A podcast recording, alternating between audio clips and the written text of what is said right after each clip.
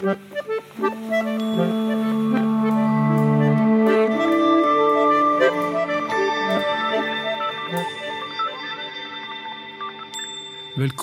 til podkasten Ytringsklima.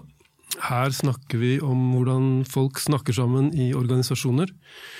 Eh, jeg heter Øyvind Kvalnes, eh, er filosof og jobber her på BI.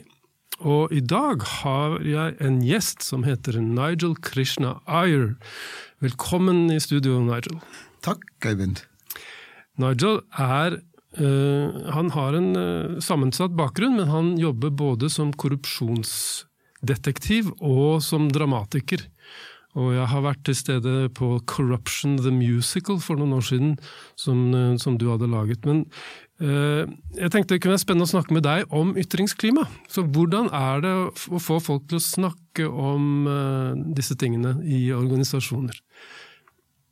Ja, um, Første ting er at folk må ikke være redd for korrupsjon, misligheter, svindel, uh, bedrageri, alt det som skjer, fordi det skjer hver dag over hele verden, hele tiden. Og man skal ikke være redd for å snakke om det, og man skal ikke være um, å snakke om det heller, fordi det er normalt. Ja. Men uh Likevel så er folk forsiktige og defensive når du kommer på besøk og skal undersøke organisasjonen deres, skal jeg tenke meg. Da. Jeg jobbet enormt mye med dette. Jeg jobbet som en uh, korrupsjonsdetektiv nå i 35 år. Uh, og når jeg var en eksternrevisor og fant bedrageri og korrupsjon på hver eneste revisjon jeg gjorde, nesten. Det var, folk var litt redde, og jeg fikk en renne med at her kommer Nigel, han skal finne noe. Og jeg har jobbet enormt mye med meg selv de siste 35 år for å legge det fram som bare vanlige saker hvor et organisasjon blir lurt av andre, ofte eksterne. Um, og det er et måte å få penger tilbake og uh, rydde opp uten å skade folk. Til og med de folk som lurer organisasjonen, ofte eksterne parter, eller noen interne som blir fristet, de har krysset linjen uten å vite det heller. Nettopp. Uh, Tror du, hvordan tror du at man kan bruke ytringsklima til å ikke, forebygge og oppdage korrupsjon? Tror du det er noe, en retning å gå? At man eh, gjør, normaliserer det å snakke om disse tingene? Riktig. En åpen, jeg tror at jobben du gjør med å få fremme en bedre ytringsklima, er noe av det viktigste vi gjør. Um, folk har jobbet litt i sine siloer og over årene har det blitt mer regler og prosedyrer og ting vi skal lese, men vi aldri får tid å lese, som gjør oss mer defensiv og mer lukket. Og jeg tror at nå er tiden for å åpne opp og snakke om ting uten å føle skyld. For eksempel, personer føler skyld. Hvis du spør en person ja, har du kjøpt noe i dag på internett, og lest jo alle betingelser som du bare tikket, hooket av, Folk føler med en gang skyld, fordi de har ikke gjort det. Men hvis du sier alle gjør det, og dette er normalt, og vi har kanskje alle sammen blitt litt som sauer eller lemmings og gjort det det samme, da er det lettere for folk å føle nei, det er ikke min skyld, det er kollektiv, men nå kan vi kollektivt sett, og det var hvorfor ytringsklima er så viktig, gjøre noe med det. Nettopp. Uh, det er jo et begrep som heter 'autopsy without blame', mm. som Jim Collins har brukt for å si at eh, de beste organisasjonene, de som fanger opp uh, misligheter, de klarer å gjennomføre obduksjon uten skyld. Så etter en hendelse så er de i stand til å gå etter årsakene og, et, og ikke etter, etter skyld. Eh, hvordan skal man gå fram for å få til det? Well, første ting er at Når man har en stor utredning hvor veldig mye av firmaer eller organisasjoner er nesten død eller skadet, da snakker man om en autopsi eller obduksjon. Men vanligvis man skal man kan identifisere ting mye tidligere før det skader, akkurat som en lege skal identifisere at man har kanskje tegn på en sykdom som kan rettes opp tidlig. Så når man går inn på det, og man finner tegn på en sykdom uh, Man skal ikke begynne å skille pasienten at de spiste for mye godteri eller noen ting. For eksempel, jeg fikk en liten høy kolesterol fra min lege for noen eh, år siden, mm. og hun var ikke fullt av skyld at kanskje jeg har levd litt usunt. Men hun sa hvordan kan vi rette det opp med en bedre kostforhold, Eh, også Det var noe genetisk der, så jeg måtte bruke noen veldig lave doser statins. Men det var aldri noe skild. Og følte jeg ok, nå skal jeg trene. Nå skal jeg eh, slappe av litt mer. Nå skal jeg spise litt bedre. Og det har jeg gjort i fem år. Og jeg gjør det fordi at, uh, det var ingen skild. Så det er mer konstruktivt å holde skyld utenom? Absolutt. Det heter restorative justice, i, ja. og jeg prøver å introdusere det hele tiden til hvordan du uh, løser mislighet, korrupsjon osv. Uh, litt av problemet der, og det er at når man har penger på bordet, folk blir sint og sier at 'jeg skal få den penger tilbake som var tapt'. Men noen ganger er det mye bedre å si 'la oss få mye mer penger tilbake i fremtiden' og glem å få den liten dropp som vi mistet tidligere. Fordi vi, når man peker fingre og sier at du var ansvarlig, det er tre fingre som peker tilbake, som sier jeg lar det skje også. Nettopp. Uh, det du sier får meg til å tenke at uh, obduksjon uten skyld er egentlig ikke et så godt begrep likevel, fordi obduksjon er noe man gjør etter at noen er død. Uh, da, er det, da er det, livet er over. Mens, eh, mens, det vi snakker om her, er jo å gå inn før døden inntreffer. Ja, medisin, Kanskje lenge før. Medisin eller um, bedre tiltak mot helse uten skild. Så hvis en person kommer inn og han er utrolig feit, det første ting du skal ikke gjøre, er å si at 'hva har du gjort for å bli så feit'? Nettopp. Og Weight Watchers mm. er et godt eksempel av det. Ja og Gamblers Anonymous, eller alle de organisasjonene som hjelper folk som har kommet inn i et problem eller et sykdom. Eh, de hjelper de uten skyld, og det er akkurat det samme man skal gjøre med korrupsjon og fraud. Eh, jeg har jo sett deg i aksjon flere ganger når du underviser eh, eksekutivstudenter. Og da er jo de veldig engasjert og lener seg framover og er interessert i det du snakker med dem om. Og en øvelse som du bruker, kalles for eh, 'tenk som en tyv'. Eh, og det er nysgjerrig på hvor, hva, hva, du ønsker å oppnå med den øvelsen. fordi da ber du rett og slett eh, studentene, som er voksne folk som jobber i organisasjoner, om å tenke som en tyv. Hvordan ville du gått fram for å svindle din egen virksomhet? ikke sant? Så hva, hva er tankegangen din bak den øvelsen der? Ja, en liten korrektiv til, til, de som hører, er at uh, når jeg ber de tenke som en tyv, jeg prøver å få de til å tenke som en ekstern tyv, og det ville vært en, en leverandør som prøver å overfakturere, som skjer, skjer, ofte. Det er et fantastisk norsk uttrykk som fins ikke på andre språk, som heter å fakturere med gaffel. Um, det kunder som tar seg til rette og får litt for mye. Det er eksterne patter som lurer bedriften fordi de prøver å selge noe til de som et annet firma. Det er alle de konsulenter, som noen av de er uetiske, det er eksterne kriminelle. Jeg prøver at de nominerer seg selv til å være en av de pattene, ikke, ikke seg selv. Um, det er en liten unntak til det, og det er at noen ganger du har en ledelsesgruppe, toppledelse, og de, de tror at til tross at de vet at mislighet og korrupsjon fins overalt, ikke hos oss. Så da har de veldig vanskelig å tenke som en tid, fordi de er best i klassen. Og der skal du bare få de til å tenke på alle de små ting de har gjort som var uærlig først. Og da sier til de om det var en uærlig person i din stole, hva kunne de ha gjort? Men det er unntak. Vanligvis du bare får folk til å tenke hvordan kan bedriften bli lurt av eh, andre som praktiserer det som kalles the commercial dark arts, om man skal bruke en Harry Potter-uttrykk. Og det er å si at Vi skal ikke begynne å tenke at hvem av det som skal få skyld om noe går feil hos oss, men hvordan går det feil hos oss? Fordi vi er mange, men vi tror at andre skal ta vare på problem. Og hvilken smutthull fins i organisasjonen, og hvordan de blir utnyttet. Og En beste smutthull som vi ofte bruker, er at leverandører de sender faktura. Folk som ser på faktura, det er ofte to som skal se på det, kanskje fem noen ganger om det er en stor betaling ut, men to stykker. Det er typisk at den andre personen anviser, men aldri ser på dokumentet. Og den personen som ser dokumentet for første gang, kanskje han har en, eller hun har en bunk, bunk, bunke fakturer, eller en elektronisk bunk, og bare klikke, klikke, klikke. klikke. Og da bruker de minimalt, kanskje noen mikrosekunder, å godkjenne det. Og det er en typisk smutthull. Ja. Om en leverandør vet om det, da er det lett å lure firmaet. Men, men, hva tenker du du oppnår ved å få folk til å tenke som en tyv? Altså, jeg, en mulighet er jo at blir mis, folk blir mistenksomme til hverandre. Du vil jo ikke det? Nei, Nei. absolutt ikke. Ingen, man, man, man, skal bare spre glede.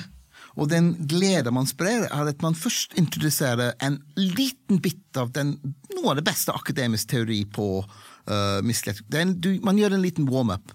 Og den første den warm-up man gjør, man sier at uh, Hvorfor skjer korrupsjon? Det er fordi folk, enten eksternt eller internt, har mulighet, motivasjon, og rasjonalisere hva de er. Mulighet til motivasjon er lett. Folk med stor mulighet, og ofte de høyt opp, eller eksterne folk som er mektige. Folk med stor motivasjon, og ofte folk med mye penger, vil ha mer. Og du kan tenke at mektige folk vil ha mer.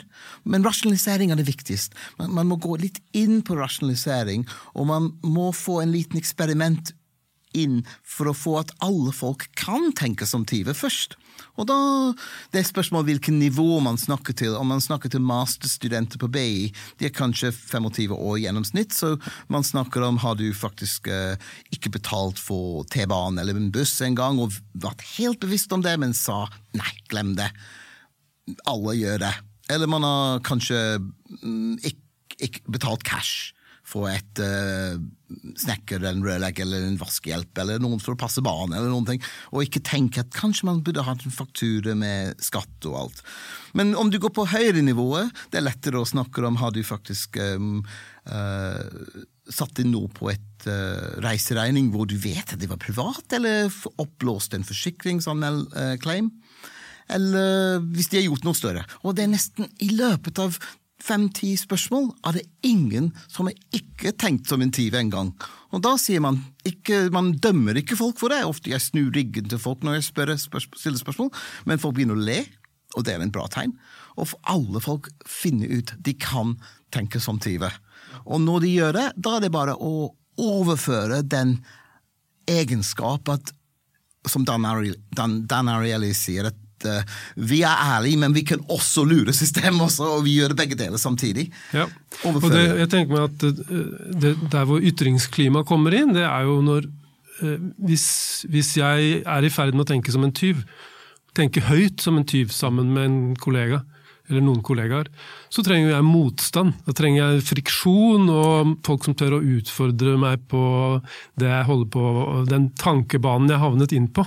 Ja. Ikke sant?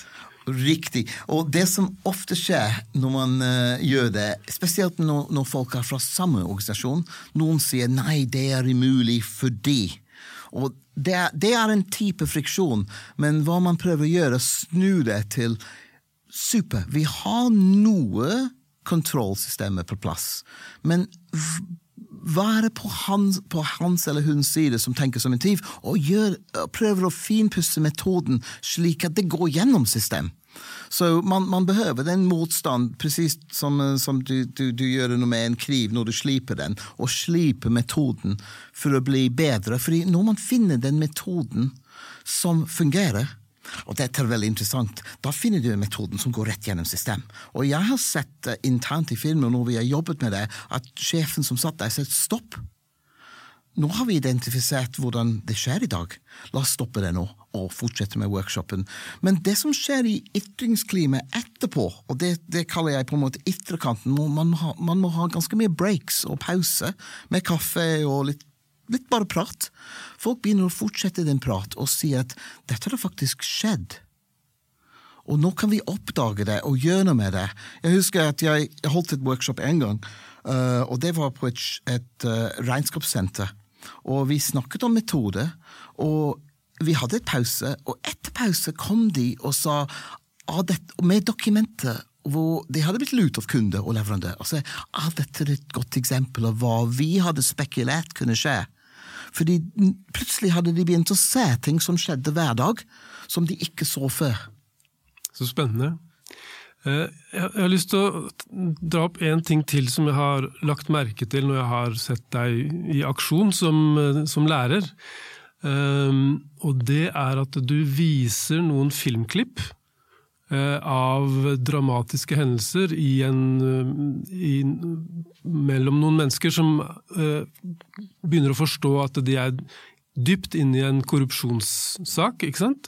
De har tråkket inn i noe, og nå ser de det, og de, de blir veldig opprørt og, og, og så videre. Og det du da spør studentene om, det er hvordan tror du han føler det nå? Og, og, kan du si litt om hvorfor du stiller et sånt spørsmål, og hva, hva du tenker kan oppnås med det? Ja, vi har redusert over de siste 40 år, eller 35 år siden jeg jobbet, vi har redusert korrupsjon til en haug av prosedyrer og regler. Og vi har glemt det viktigste av det er hvordan mennesker føler. Uh, og jeg bruker en ganske ekstrem situasjon med en person hvor en person sitter på enden av en tre minutters uh, serie, hvor han sitter helt alene. Han har gjort masse ting, og han har krysset linje, og han, har, han, vanlig, han vanligvis, hvis han ikke får hjelp, så graver han dypere i det, og han har ingen vei ut. Og når man har ingen vei ut, det er enten man graver seg inn dypere, eller man kan gjøre det mest ekstrem, så det verste ting som skjer, er å ta livet sitt. Og det må vi unngå på alle mulige måter. Og derfor jeg prøver å få studentene til å engasjere med følelser. Og det som jeg spør, er ikke bare hvordan han føler seg, hvordan føler du om det var deg? Og da spiller vi ut i klassen med Jeg prøver å finne en som ser litt sympatisk ut, til å spille toppsjefen. Og, og vi spiller ut debatten. Han sier at 'jeg vil gjerne ha en person jeg kunne snakke med', enten det var en venn eller en kolleg, eller best en toppsjef som var litt sympatisk. For det er nesten sannsynlig at toppsjef har gjort det samme. Nettopp. Jeg, jeg syns det er en utrolig kraftfull pedagogisk eh, måte å jobbe på. Det å spørre studentene hva de føler. Og det harmonerer godt med, med det Arne Næss sier. Da. Filosofen Arne Næss som ja. sier at vi må bli flinkere til å snakke om følelser. Oh, yes. Og jeg, jeg kommer jo fra filosofi, og vi har Filosofene har gjort mye for å trykke ned følelsene, altså si det er fornuften som skal eh, råde. Men jeg tror det har veldig mye for seg å jobbe sånn som du gjør, ved å si at uh, vi trenger å finne ut hva, hva vi føler i disse kritiske situasjonene.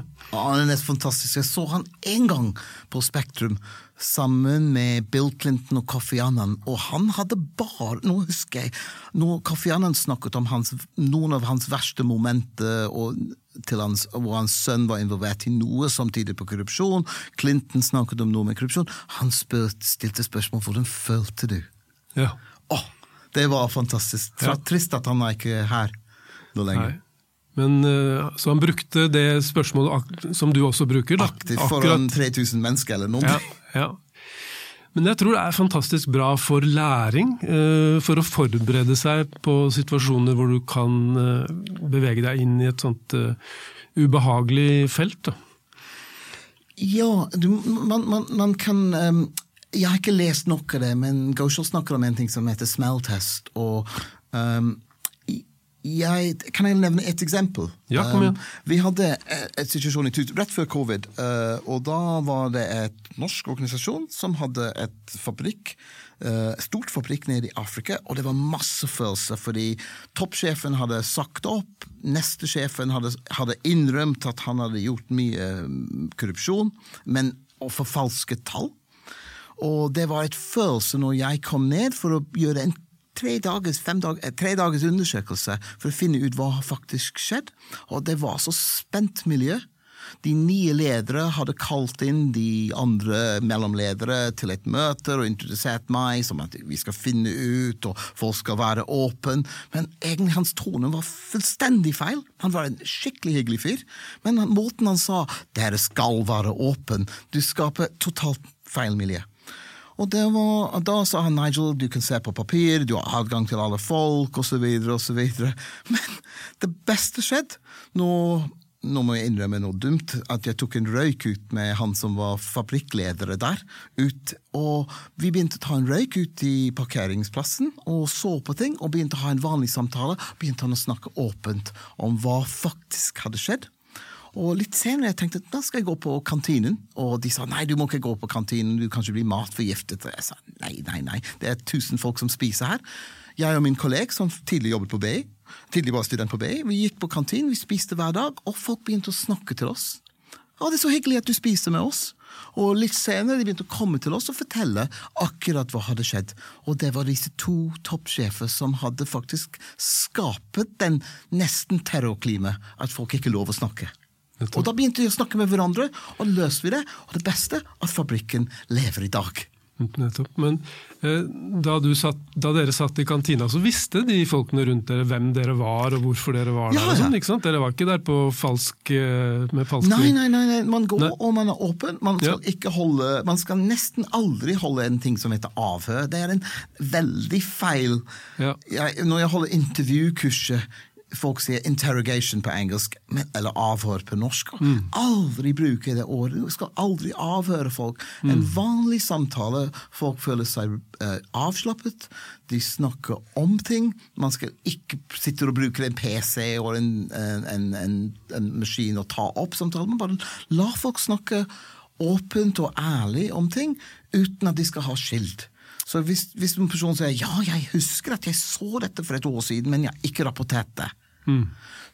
svaret da fantastisk at du snakker om det nå. Ikke hvorfor ikke rapporterte du det da? Et tema som vi har hatt oppe i denne podkasten tidligere, er aktiv lytting. Og det er jo det du beskriver nå, ikke sant? At du eh, er til stede og inviterer til en samtale, og får folk til å dele, og så sitter ja. du og er en aktiv lytter? Det, jeg var veldig heldig eller uheldig, kan du si. at når jeg var ung, jeg måtte ha latin på skolen. Og da husket jeg, når jeg ble en revisor eller auditor, at audit kommer fra audio, og det betyr å lytte. Og noen sier at jeg snakker for mye. Eh, men i møte med folk Jeg husker at det er en knapp som heter lytteknapp. Og audit er ikke om å se på prosedyrer og, og uh, sjekke ting. Det er faktisk det viktigste med en revisjon og, eller audit er å lytte. Folk gir så mange signaler at de vil snakke. Og det er det samme internt i bedriften. Ledelse skulle vært mye bedre til å lytte og ikke er blind at om de ikke hører noen dårlige nyheter, er det ikke noen dårlige nyheter. Fordi det er ikke dårlige nyheter om du finner ting tidlig. Det er gode nyheter. Så det handler om å ta seg en røyk ute på parkeringsplassen? Eller nei, nei, nei, jeg skal jeg, jeg, jeg, ikke røyke nå. Nei. Eller ikke så veldig ofte. Så jeg tror at å røyke det er Men, det, Man kan ta en kopp kaffe, kanskje? Da, ute kaffe, på parkeringsplassen. Utete, ja. eller en smoothie, eller, eller gå på tur. Ja. Å gå litt um, I gamle dager, uh, når folk skal gjøre på en måte en revisjon eller en kontroll, de pleier å gå rundt. Nå sitter de i et rom med en PC, så vi egentlig må ha litt tid uten elektronikk. Noen ganger når du stiller folk eh, Jeg vet det med litt eldre generasjon, når du stiller et spørsmål, de, de går på Google med en gang istedenfor å tenke på den enormt mye informasjon de har samlet over liv. Og det er litt det samme når du stiller folk du, du møter folk Still et åpent spørsmål, og la de snakke uten elektronikk i bildet. Nettopp. Men dette, det du snakker om nå, er jo relevant langt utenfor korrupsjonsdetektivarbeidet. Det altså å ta seg tid til å sette seg ned og gå rundt omkring og sette seg på kafé og være åpen for å snakke med folk. da. Ja, jeg tror at en positiv effekt av de siste 18 månedene med covid er at folk har møtt hverandre og gått på tur fordi de måtte holde distans. De er lei av å ha møte på Teams eller Zooms og lignende plattform, så noen ganger sier skal vi bare gå litt? Og Det blir en helt annen kommunikasjon som skjer. Nettopp. Dette er veldig spennende, Nigel, og jeg syns eh, jeg lærer nye ting eh, om ytringsklima og korrupsjon.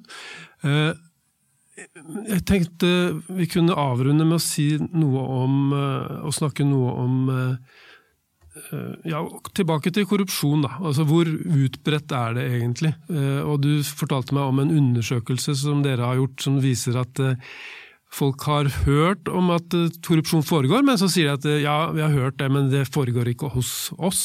Ja, det var i, i firmaet vårt. Vi har vært veldig heldige å ha en del interns fra BI. Og en av de var et masterstudent som studerte organisasjonspsykologi og lederskap. Så vi, vi prøvde, Hun var norsk, vi prøvde å gjøre noe i Norge. Vi prøvde å si til henne gå ut til kommunikasjonssjef eller Investor Relations eller av de store 15-20 norske firmaene og spørre dem hvordan, var hva er deres holdning til å oppdage og løse korrupsjon så tidlig som mulig. Og vi, vi definerte som alt som kan gjøres av, in, av intern og ekstern som er uetisk, som, som forårsaker skade eller harm renommé, kultur og penger.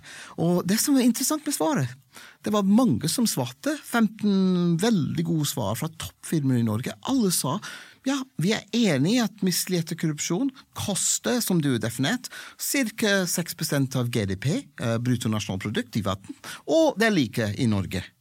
Men svaret var nesten alle sa, men ikke hos oss. Fordi vi har så robuste rutiner og prosedyrer og etiske mennesker internt. Ja, det er spesielt. Hvordan, hvordan tolker du det resultatet? Hva, hva, trekker du ut av ja, Jeg tror at ingen av de ledere og kommunikasjonsavdeling skulle speile på en måte tanker til toppledere. De, de, de ikke lyver, og de ikke gjør det som en PR-stunt heller. De faktisk tror det selv. Nettopp.